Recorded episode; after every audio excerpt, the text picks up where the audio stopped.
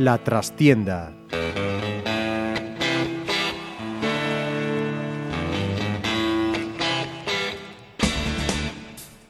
Saludos amigos, os habla Ramiro Espiño en nombre de todo el equipo. Comenzamos una nueva edición de La Trastienda en Pontevedra Viva Radio desde nuestros estudios en la calle Michelena de Pontevedra. No hubo suerte, errores propios y también alguno ajeno llevaron al Pontevedra a encajar una dura derrota frente al Real Murcia, 1-3, haciendo que la continuidad granate en la lucha por el ascenso a Segunda División dependa de un milagro en el partido de vuelta, el próximo domingo a las 7 de la tarde en la Nueva Condomina. Hoy hablaremos y analizaremos lo ocurrido en Pasarón ante más de 10.000 aficionados, ejemplares la inmensa mayoría, cafres unos pocos, que mejorarían quedándose en sus casas en próximas ocasiones. Por ello, hemos querido invitar a dos personas que saben lo que es pisar Pasarón, defendiendo la camiseta granate, además de pasar por otros puestos como entrenador de la base o incluso empleado en labores administrativas del club. Óscar Guimerán y Manolo Gago, muy buenas a los dos. Hola, muy buenas. Muy buenas. y un aficionado de los de corazón, de los que están a las duras y a las maduras, cineasta que además ha hecho un precioso vídeo previo motivacional y peñista de referencia Granate, Pablo Cacheda, todavía con el disgusto, ¿no? Bueno, sí, un poco, pero bueno. Bueno, pues antes de entrar en materia, eh, me vais a permitir que haga un pequeño preámbulo, antes de daros la, la palabra a nuestros invitados, y que diga algo de mi cosecha porque si no lo hago reviento. Uno no es de los que esconde la cara, y además tengo por costumbre, en mis muchos años siguiendo al Pontevedra, decir lo que pienso, acertada o equivocadamente. A unos les gustará, y otros, afortunadamente pienso que la minoría, me sacarán el pellejo. Pero no me escondo. A diferencia de algunos que están esperando que el Pontevedra vaya, más, vaya mal para disparar al pianista y parecen alegrarse de los tropiezos granates guiándose por sus filias, fobias o conveniencias, que de todo hay, a mí me da igual quién esté al frente del club. Muchas veces me he enfrentado con el poder establecido, incluso en los tribunales, por no ser cómodo en mis informaciones. Son más de 55 años como seguidor del Pontevedra y 35 hablando o escribiendo sobre la actualidad del club. Miles de partidos. A esto no se llega si la labor que uno realiza es tan mala como alguno, insisto, de forma interesada, ellos sí, dejan caer. Cuando opino, intento hacerlo con objetividad, y si me equivoco, que seguramente lo hago a menudo, es simplemente consecuencia de mi manera de ver o interpretar situaciones o jugadas, nunca de forma torticera ni queriendo engañar u ocultar nada. Dicho esto, como a mis oídos ha llegado que mi opinión sobre el supuesto fuera de juego en la jugada del segundo gol del Murcia ha sido motiva de crítica por parte de algún enteradillo dedicado a impartir cátedras y repartir carnés de pontevedresismo, dejarme decirle, entre otras cosas, que sí, conozco perfectamente la regla 11 del reglamento futbolístico, que es la que habla precisamente del fuera de juego, y que quizás no estaría de más que él o ellos la repasasen. Si lo hiciesen, podrían leer que, cito textualmente, se considera que un jugador en posición de fuera de juego no ha ganado ventaja de dicha posición cuando recibe el balón de un adversario que deliberadamente juega el balón. Fijaros en el término deliberadamente. En mi opinión, Portela intenta despejar, mide mal y el balón va hacia su propio campo donde Guardiola, claramente adelantado, se aprovecha y marca. Repito, en mi opinión, y acepto otras contrarias. El único que podría sacarnos de dudas es el propio jugador, que es quien sabe realmente si su intención fue despejar o jugar hacia su portero. A mí, desde luego, en el campo me da la sensación de que intenta despejar y se la come con patatas. Esa es la única realidad. Pero, repito, lo demás, la mía y la de los otros, son interpretaciones tan válidas y respetables como las de los árbitros, respetables para casi todos, menos para los papistas, que abundan bastante y a los que parecen molestar los posibles éxitos del Pontevedra, a quienes espero quede claro que al menos este periodista no solo conoce la regla, sino que tiene por costumbre leer el reglamento y sus actualizaciones o circulares aclaratorias anuales. Y con respecto a mi opinión sobre el resto de la labor arbitral, me reitero, para que les quede claro también, porque algunos parece que tampoco saben leer. Fue mala, con demasiados errores, excesivo protagonismo, como por ejemplo la bronca Luisito que no venía a cuento en la banda, sin saber cortar el llamado otro fútbol del Murcia, porque ese otro fútbol lo practican muchos, pero solo cuando un mal árbitro lo consiente, se saca partido de ello. Y aquí tenemos ejemplos, como por ejemplo hace dos años, cuando el mensajero hizo lo que le dio la gana por culpa de otro mal árbitro. Y no me negará nadie que ese arbitraje fue escandaloso. Eh, eso sí, al final, cuando el mal ya estaba hecho, quiso compensar barriendo para casa. Y sí, otra aclaración, Luisito también se equivocó en la alineación. ¿O no? Vayan ustedes a saber que esa es otra de las cuestiones opinables. Quizás los que nos equivocamos seamos los que creemos que algún jugador no está para empresas tan exigentes como una fase de ascenso a segunda. Pero al menos Luisito se ha ganado el derecho a equivocarse, que algunos parece olvidan pronto de dónde venimos. Y ni esos papistas ni un servidor tenemos los mismos elementos de juicio que una persona que convive con el grupo cada día en cada entrenamiento. Y termino recordándolo a los ilustrados que presumen de ser más de Pontevedra que nadie por el mero hecho de haber nacido aquí cerca de la Peregrina, un comentario que un día hice públicamente en una tertulia en la desaparecida Localia Televisión. Lo vuestro es un simple accidente, lo mío una elección. Cuando queráis, si no lo entendéis, os lo aclaro. Uf, qué a gusto me he quedado, chicos. En fin, eh, podéis rebatirme si queréis lo, este speech tan largo que, me he lanzado, pero en cualquier caso, los micrófonos son vuestros y ya me diréis qué, os ha parecido el partido, qué, cómo veis la eliminatoria, cómo ha jugado el Pontevedra, el Murcia es tan superior como el 1-3. Arrancar eh, por donde queráis. Bueno, pues un poco lo que hablaste ahí. Eh, en cuanto a la alineación, pues lógicamente el que mejor conoce al grupo, el estado de forma de los jugadores, ese siempre es el entrenador y, y si puso el once titular que puso, pienso que es el que, el que lo decidió y si lo decidió así es por algo. Lógicamente, pues yo la primera parte sí que veo un Murcia muy superior al, al Pontevedra. Eh, jugó como quiso y hizo lo que quiso en la primera parte. Eh, los dos primeros goles, pues como tú comentaste ahí, pues yo creo que son, son errores puntuales que pues con un poco más de contundencia o, o mejor medir el, el despeje, pues lógicamente no hubieran entrado. Y luego la segunda parte sí que vimos un Pontevedra más atrevido, que se quitó el miedo de encima, que pasó a línea de cuatro, que Loureiro fue mucho mejor la, primera que la, la, segunda parte que la primera, y simplemente con un poco de punto honor, coraje y empujón, pues incluso llegamos a encerrarlos un poco, pero es un resultado bastante en contra y yo tal como veo pues un poco ofensivamente el, el Pontevedra pues está complicado pero no imposible. Manolo. Yo puedo hablar no tan con, con tan los conocimientos técnicos, tácticos, como puede hacerlo Óscar, sí como aficionado.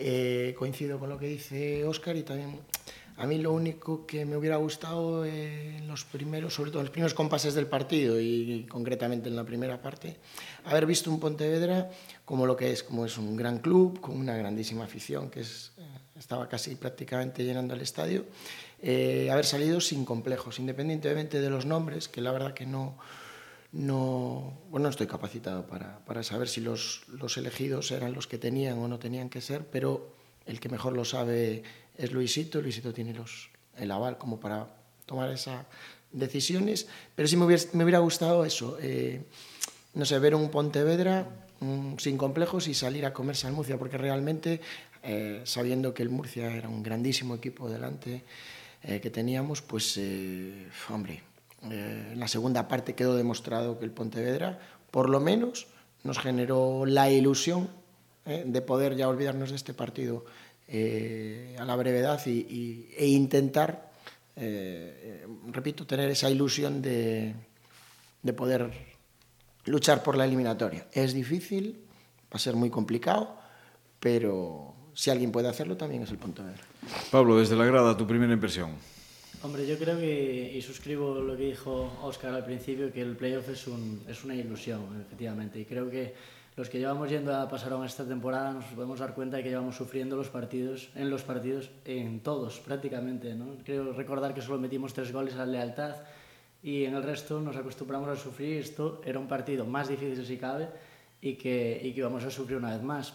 Sin embargo, yo veo algo muy positivo, que es que además de que bueno, la afluencia pasaron está siendo buena, especialmente en los últimos partidos, sí que se consiguió una comunión con, con la grada que es, es bastante ilusionante. ¿no? El equipo salió ovacionado eh, habiendo perdido 1-3 en casa, creo que eso hace unos años era impensable en la época donde jugábamos los playoffs era una obligación. Se sigue transmitiendo un poco fuera de, que, de esa obligación, de esa presión al Pontevedra y creo que realmente a veces no existe tanto como se dice. Y, y el equipo está ahora mismo en una sintonía con la grada muy interesante, que creo que pase lo que pase en la siguiente eliminatoria, es algo que hay que intentar mantener para que el año que viene poder apuntalar un poquito el equipo, mejorarlo en las, en las líneas en las que sí que estamos más flojos y, y tirar para adelante. ¿no? El equipo es un equipo que no se le puede reprochar nada, como está acostumbrado a decir, a decir Luisito. Y, y, bueno, ojalá hubiera una machada en, en, Murcia, ¿no? Pero, pero pase lo que pase, yo creo que es, es para estar contentos. Yo creo que, no sé qué os parece a vosotros, pero un poco en la línea de, de la crónica que, que, yo escribí sobre el partido, ¿no? Para mí hay factores fundamentales que evidentemente deciden partidos. Uno de ellos es la fe, la ilusión, la garra, la lucha. En ese aspecto creo que nada que objetar al, al Pontevedra. Eso evidentemente no se compra con dinero, sino con grupo humano y creo sinceramente que el Pontevedra lo tiene. Pero luego hay dos factores que normalmente deciden el 95-98% de los partidos, que son calidad y oficio. Y eso está claro que se paga y caro. El Murcia ha invertido medio millón de euros en el mercado de enero, eh, cantidad que el Pontevedra ahora mismo no puede llegar. Sí, lógicamente en eso, pues yo lo hablaba con un grupo de amigos. Eh, el, tano, el talonario en estas categorías manda, en este caso la Ponferradina, que no se metió en el playoff, pues es una excepción, pero lógicamente si ves el playoff de segunda B a segunda A, eh, los que se metieron en el playoff económicamente son equipos muy fuertes, sobre todo ya mismo los de este grupo, la cultura leonesa es muy fuerte económicamente, el Celta B es un filial atípico en el cual están invirtiendo mucho dinero, el Santander. Y el Pontevedra es un poco ahí la, la excepción, porque lógicamente la situación económica que tiene pues lo condiciona bastante y es un premio que haya llegado hasta ahí. Entonces, en ese aspecto, aunque el Pontevedra tiene juegos de calidad, lógicamente si lo que manda es el dinero, pues estos equipos con mayor presupuesto, pues los jugadores que tienen el once inicial o los que salen de banquillo aportan mucho y mantienen el nivel de, de rendimiento. Eso no quiere decir que el Pontevedra no tenga jugadores de calidad. Por ejemplo, para mí, pues como todos los que estamos aquí ahora presentes, tenemos gustos futbolísticos y a mí la gente que salió en la segunda parte, pues Jacob es un jugador que me encanta, Alex González es un tío con, con mucho desborde, incluso Mourinho que no salió, son jugadores que también tienen calidad y pueden aportar cosas ofensivamente. Lo que pasa es que, claro, un poco en la línea de lo que nos ha pasado tantas veces esta temporada, Pablo, de que para hacer un gol necesitamos siete o ocho ocasiones. Hay una circunstancia para mí clave en el partido, que pudo haberlo sido, ¿no? Minuto 8, David Zañón a dos metros no acierta. Ellos, la primera vez que llegan gol, la segunda vez que llegan gol, con la duda de si es fuera de juego o no, la tercera vez que llegan, hace un paradón Edu, y la cuarta ya en la segunda parte 0-3. Es decir, de cuatro, tres chicharros para adentro. Y eso evidentemente eh, tiene un nombre que es dinero. Eh, lo que decía Óscar, no es que los jugadores del Pontevedra no tengan calidad, pero es que los demás tienen más. Es evidente que, que tenemos un, un, problema de gol que, que se lleva bueno, pues varias jornadas demostrando, pero también es cierto que es que tuvimos bastante mala suerte eh, a lo largo de la temporada con el tema lesiones. Está claro que Iker Alegre eh, las dos primeras jornadas, tres marca dos goles, las dos últimas dos goles, eh, lo tenemos lesionado seis meses. Mario Barco tuvo mala suerte en la temporada. Creo que este equipo con Iker Alegre y Mario Barco estaríamos hablando de un equipo con un poquito más de gol. Mateo eh, tenía que haber dado más, evidentemente tuvo oportunidades para, para poder marcar más goles, pero es que si encima el poco gol que tenemos, pues tenemos mala suerte y no lo tenemos, yo creo que esta eliminatoria con estos dos jugadores, Iker un poco más a punto, y Mario, como estaba, metiéndolos todos, también hubiéramos hablado de un equipo diferente. Es que las circunstancias de cada liga al final influyen, ¿no? Sí que es verdad, Manolo, que con relación a los tiempos de Óscar o tuyos como jugador en el Pontevedra, eh, la afición ha estado quizá más cerca del equipo sin ese nivel de exigencia exagerado que existía y que quizá este es el camino. O sea, intentar seguir creciendo poco a poco, no volvernos locos, recordar siempre lo que decimos de dónde venimos y no hace tanto. Mm. Así es. Bueno, yo viví dos, dos etapas. La de jugador, pues eh, en el primer equipo fue muy, muy corta, muy pocos partidos y viví todas las categorías base. Y luego la otra etapa ya como llevando toda la parte de, de prensa y toda la parte comercial bajo la presidencia de, de Nino. sí que el tema de, como se comentaba aquí antes, las, las exigencias eran máximas para playoffs y prácticamente para, para ascensos, pero el momento era otro, los presupuestos eran otros, no se puede comparar. Yo creo que ahora mismo se están haciendo las cosas bien en el Pontevedra, se está generando ilusión y es cierto que los talonarios mandan, pero no es menos cierto que yo ya no voy solamente al tema del gol eh, con un jugador como Mario Barco, que yo ya también lo conocía de la etapa del, del Somozas, Somozas eh, sino que independientemente del que el gol lo marque él o no, es un jugador como ten, tuvimos enfrente el domingo a, a Sergi, Sergio Guardiola, Sí. me parece, que es un jugador que te hace aguantar el balón, que te lo pelea arriba, que te hace que pueda llegar el equipo. no Incómodo solo- para los defensas. incómodo para los defensas y que puede, pues eso, hacer que el equipo suba, porque que el, el- el sábado en pasaron por la, en la primera parte había muchas diferencias. Cuando el Pontevedra era capaz de recuperar un balón, había dos islas arriba, una isla arriba, y costaba mucho después que pudiésemos sorprender con, la- con las entradas de los, de los interiores. Ahí sí que es fundamental el juego de espaldas, ¿no, Oscar? Porque cuando tienes un delantero que es capaz de bajártele y aguantártele a esos segundos esperando que llegue a la segunda línea, es que Sí, en ese aspecto, pues yo creo que el delantero del, del Murcia, pues marcaba la diferencia. El primer gol, por ejemplo, pues en la jugada que hace cobertura técnica con el culo, que busca el central, pues es experiencia, es listo, y luego pues pega el segundo palo, la para Edu, pero la empuja el que llega, entonces... O sea, lo que tanto se dice de, de Luis Suárez en el Barça, ¿no? Que, o sea, mete, culea, pero no hay manera de moverlo del sitio. A Guardiola le pasaba un poco lo mismo. Exactamente, exactamente. Y además una, con una fuerza bastante importante. Y calidad. Fuerza y calidad, porque no es solo... fuerza la, la tienen muchos, ¿no? Pero la calidad, evidentemente, o se tiene o no se tiene, y no, no está al alcance de todos, y menos en esta categoría. Hombre, 1-3, evidentemente, si analizamos trayectorias, es difícil ser optimista, ¿no? Porque el Pontevedra le cuesta marcar en casa, le cuesta mucho más marcar fuera de casa, lo hemos visto durante toda la temporada, y hay que hacer un 0-3 allí. Pero, como el mismo Luisito decía al acabar la- el partido en la rueda de prensa, que cosas peores han visto en fútbol. A mí esto me recordó mucho al partido con el Celta B me- en casa, porque la el liberarse de la presión que tuvieron en la segunda parte Sí, fue algo pasó similar. exactamente igual en el Celta B, que eran 0-4 al término, y en la segunda parte jugaron como si estuvieran en el, en el patio del recreo. La esperanza yo creo que es un poco que salgan como salieron en la segunda parte de ambos partidos en Murcia y, y a base pues un poco de, de marcar un gol en el momento adecuado y, y meter un poquito esa presión y que pero bueno es verdad que tienen mucho oficio el Murcia y igualmente va a estar complicado pero yo creo que bueno que metiendo un golito y jugando de esa forma pues puede llegar a darse el caso de, de hacer un buen partido ¿no? Hombre, hay que ir allí, bueno, lo que se decía, ¿no? Salir y disfrutar. Al fin y al cabo, pues mira, eh, no hay nada, hay mucho por ganar y, y nada, por, nada que perder, porque si algo se ha perdido, ya se ha perdido, ¿no? Sí, exactamente. Yo creo que lo que pasó en la segunda parte un poco fue quitarse eso, el, el miedo que tenía encima, estaban atenazados. Quizás pues es un equipo que en tema de playoff tenía poca experiencia, así como comentabas tú antes, Ramiro, que en nuestra época pues sí que había una exigencia muy alta, no había ese, ese feeling con la grada, a lo mejor hacías una primera parte mala y te ibas al descanso con silbidos ya. Y en este aspecto eh, creo que es una gran ventaja que tiene ahora el equipo.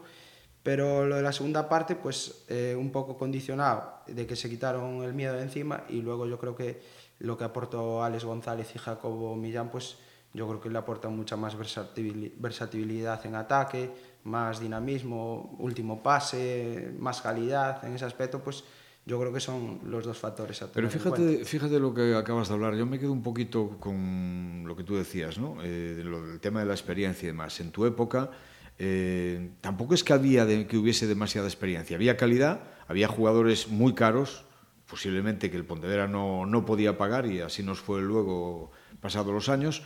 Pero sí que es verdad que no hubo paciencia, porque es que cada año se cambiaba un montón de jugadores en lugar de ir consolidando. Y a lo mejor de esa experiencia sí que tenemos que aprender para decir, bueno, pues hay un bloque e ir apuntalando pues para la próxima temporada tres, cuatro posiciones claves que han cojeado este año para intentar dar el siguiente paso. ¿no? Sí, bueno, en ese aspecto, eh, experiencia yo creo que sí que sí que tenía la plantilla o el equipo Y, y en cuanto a lo que acabas de, que se me fue la, la cabeza. No, digo lo de, lo de tener paciencia para ir apuntalando y no cambiar de golpe sí. pues 14 o 15 jugadores. Un poco, yo creo que lo que nos falló en aquella época pues fue el exceso de presión o el factor psicológico, porque el equipo había hecho una muy buena temporada, había sido muy, muy regular y bueno, en el once titular pues yo pienso que, que sí que había experiencia para, para aguantar ese, esa eliminatoria. Estaba Bermudo, que fuera campeón del mundo, estaba Duque, que ya había jugado con el Castilla playoff, estaba Xavi Moré, estaba Igor o Charles. Eh, Dani sí, pero Benítez. sí, no, no, no, en cuanto a Yo nombre creo sí, pero fíjate, fíjate lo que acabas de decir. Dani, eso sí. Dani Benítez era un pipiolo, recién llegado. ¿Eh? Eh, tú mismo eras muy jovencito en aquel entonces. Luego estaba Fran Rico, o sea, claro, estamos hablando de gente que ha llegado muy lejos en el fútbol, Víctor Ormazábal, etcétera, etcétera, Charles, pero es que en aquel entonces precisamente, hombre, fueron después, pero allí eran grandes promesas de jugadores, como luego salieron, ¿no? Sí, bueno, Duque ya había jugar playoff a segunda, Bermudo con el Barça B. Eh, bueno, yo creo sí, pero que son había, los, había... los, laterales, ¿eh? Yo creo que el pocos, equipo... pocos laterales conozco yo en la historia del fútbol Charles que hayan resuelto estado, partidos. Charles había estado con Argibay en segunda.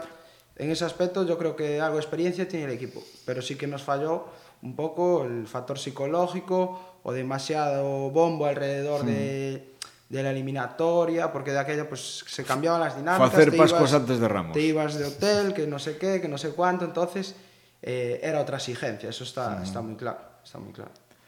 Bueno, pues eh, la afición. Eso, Pablo, lógicamente te, te toca a ti.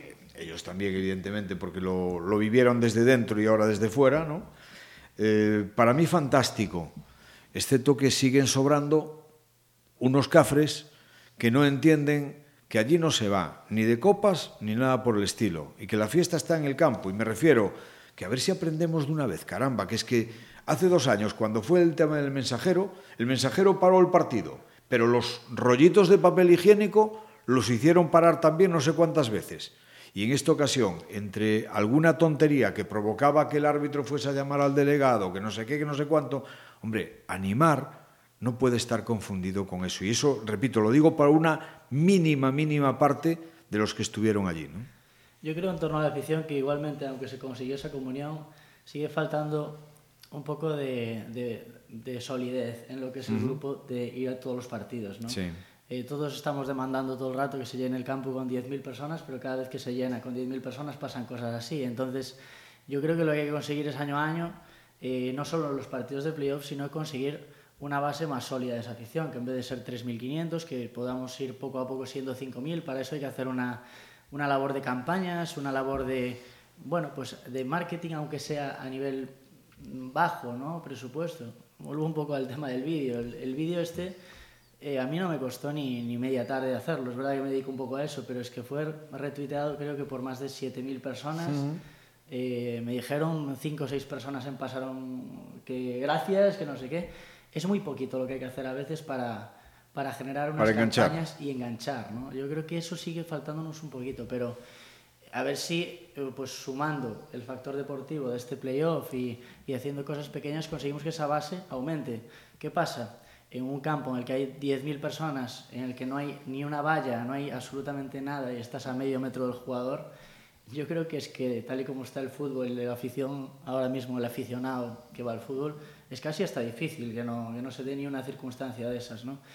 Eh, yo he visto el otro día cómo saltaba un petardo y cómo una persona de seguridad le caía al lado y no había ni una llamada de atención. Entonces, al final dices, sí, la culpa es del energúmeno, ¿no? Pero yo creo que a esa persona, en este caso hay que señalarla Sí, sí. y largarla. ¿no? Absolutamente Y eso- de acuerdo. Y eso normalmente no pasa, aun habiendo seguridad. Entonces, hay que ver un poco todo, ¿no? Sobre Pero- todo antes de que crezca la mala hierba, ¿no? Que algunos mm, se, arriman, digamos, al carro del vencedor, a las fiestas, y cuando llegan las fiestas, pues la arma. Pero mm, quedémonos un poco con lo positivo.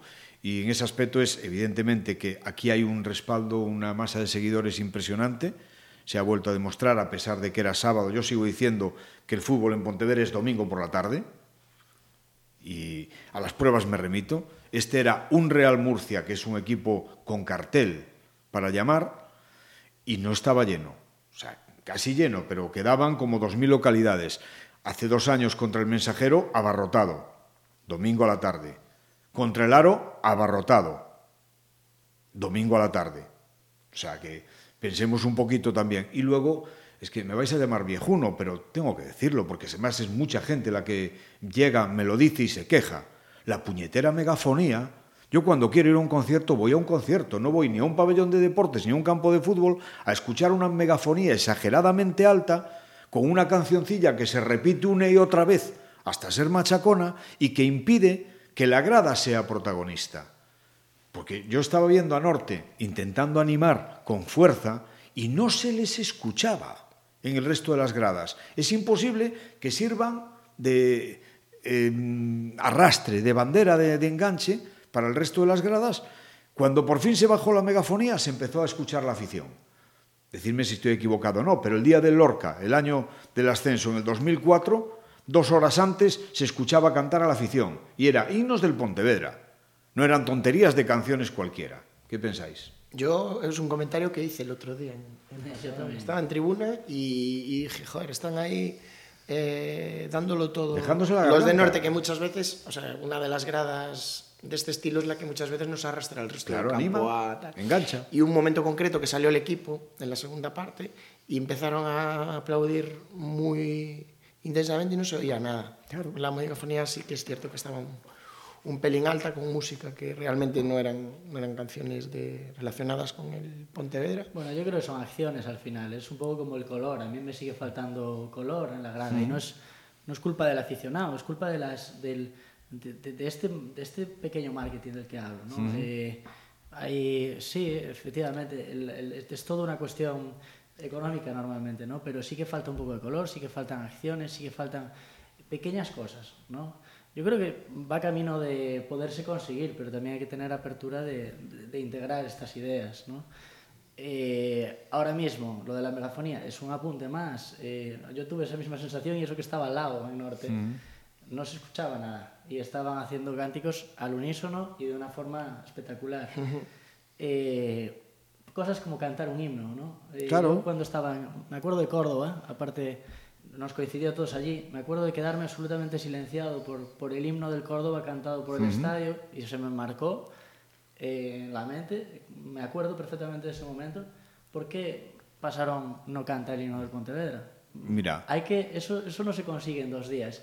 Eso se consigue con una sintonía club afición sí, sí, claro. que debe de trabajarse y bueno, soy consciente que se está trabajando, pero incluso hay que trabajar un poquito. Sí, más. sí, no, es que, a ver, es un poco aprender de las experiencias anteriores, ¿no? Recordamos el día del Lorca y todos, todos estamos de acuerdo que fue mágico, por todo, porque la afición se sintió parte. Aprendamos de lo bueno. Los ingleses en ese, en ese aspecto son maestros, sobre todo, de respeto a las tradiciones y demás. O sea, yo no sé si alguno de vosotros habéis tenido la fortuna de estar en Anfield, el campo de Liverpool, y eso es un espectáculo. Y allí no suena la megafonía.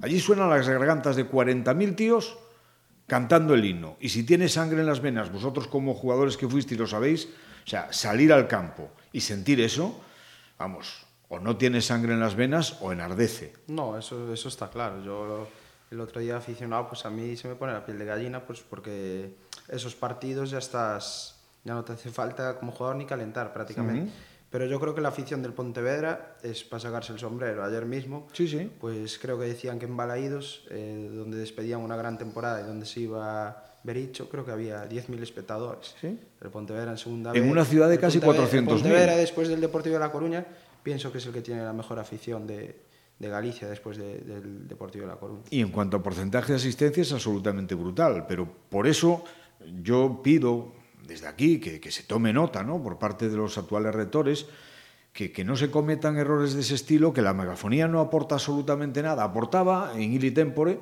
cuando se ponía la típica publicidad, almacenes Clarita, la tienda de todo para todos en Pontevedra, por lo menos dejaba dinero. Tú como es responsable de marketing del club lo sabes. Pero hombre, poner una canción sin más no aporta mucho. Y recuerdo, no tiene nada que ver con este consejo, ni, sino que era de, de anteriores, eh, el infausto día del Ceuta, que un iluminado, que afortunadamente ya no está ni, ni, ni, de lejos en el club, tuvo la feliz idea de contratar a un speaker. ¿eh? Que cuando, el partido del Ceuta, sí.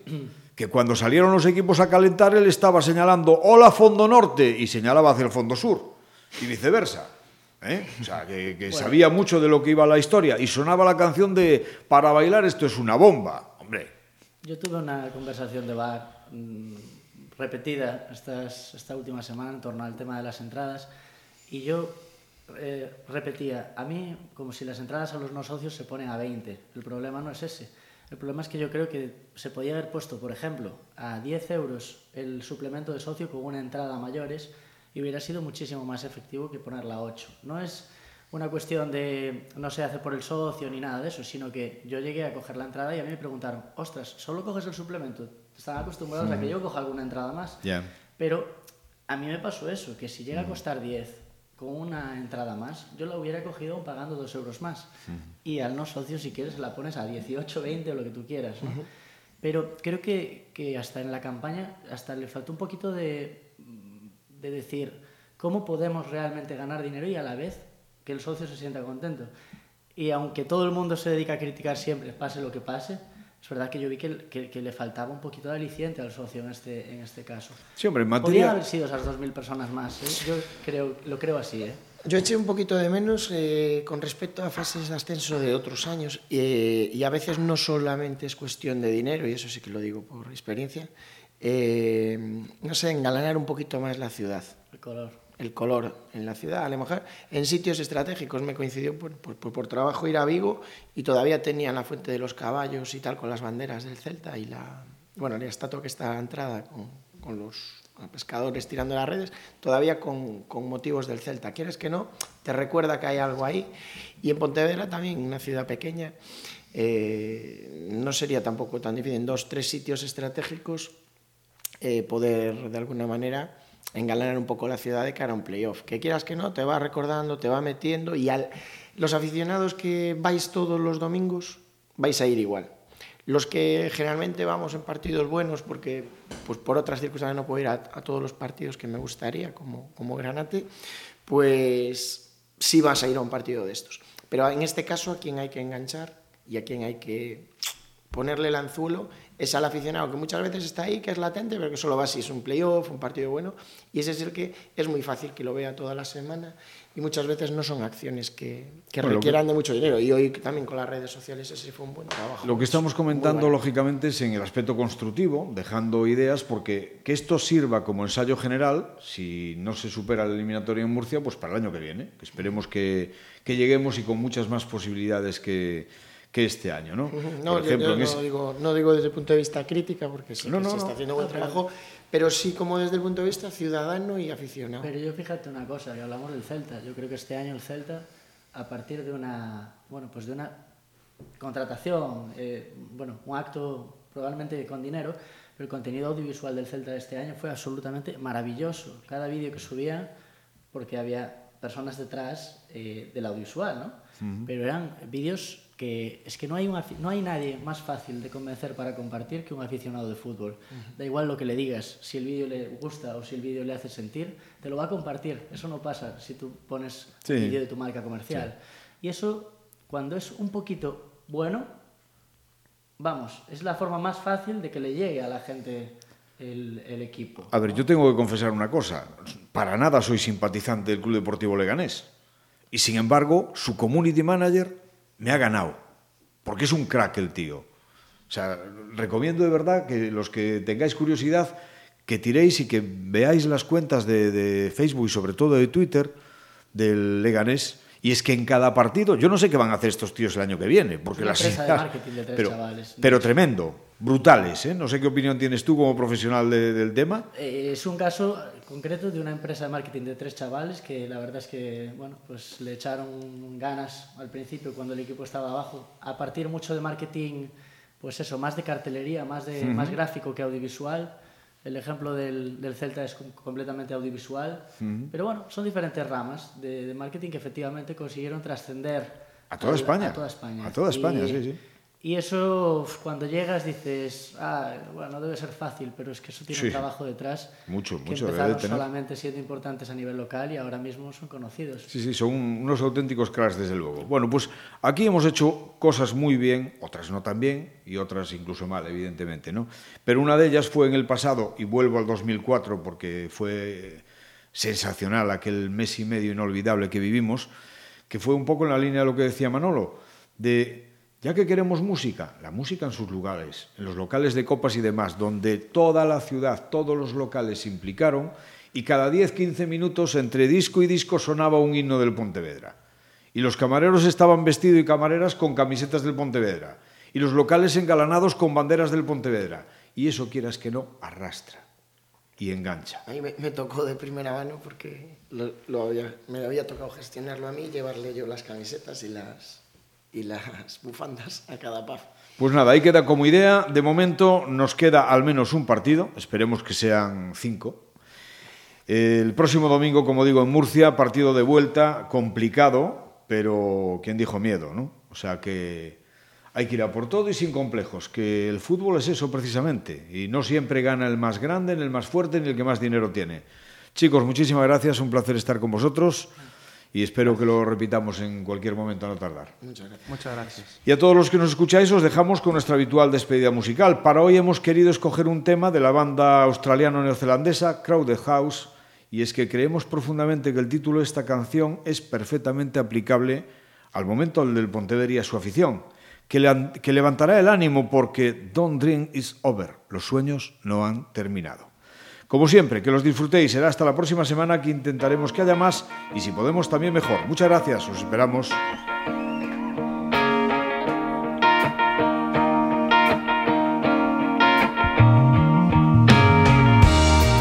There is freedom within, there is freedom without. Try to catch the deluge in a paper cup.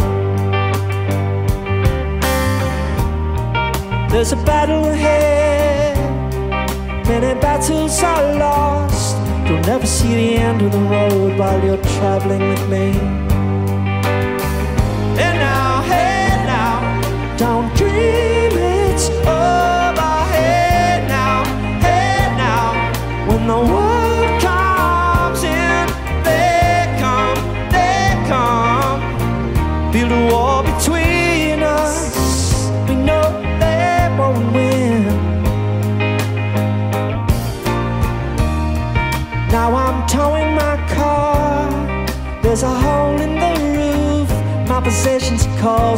But there's no proof.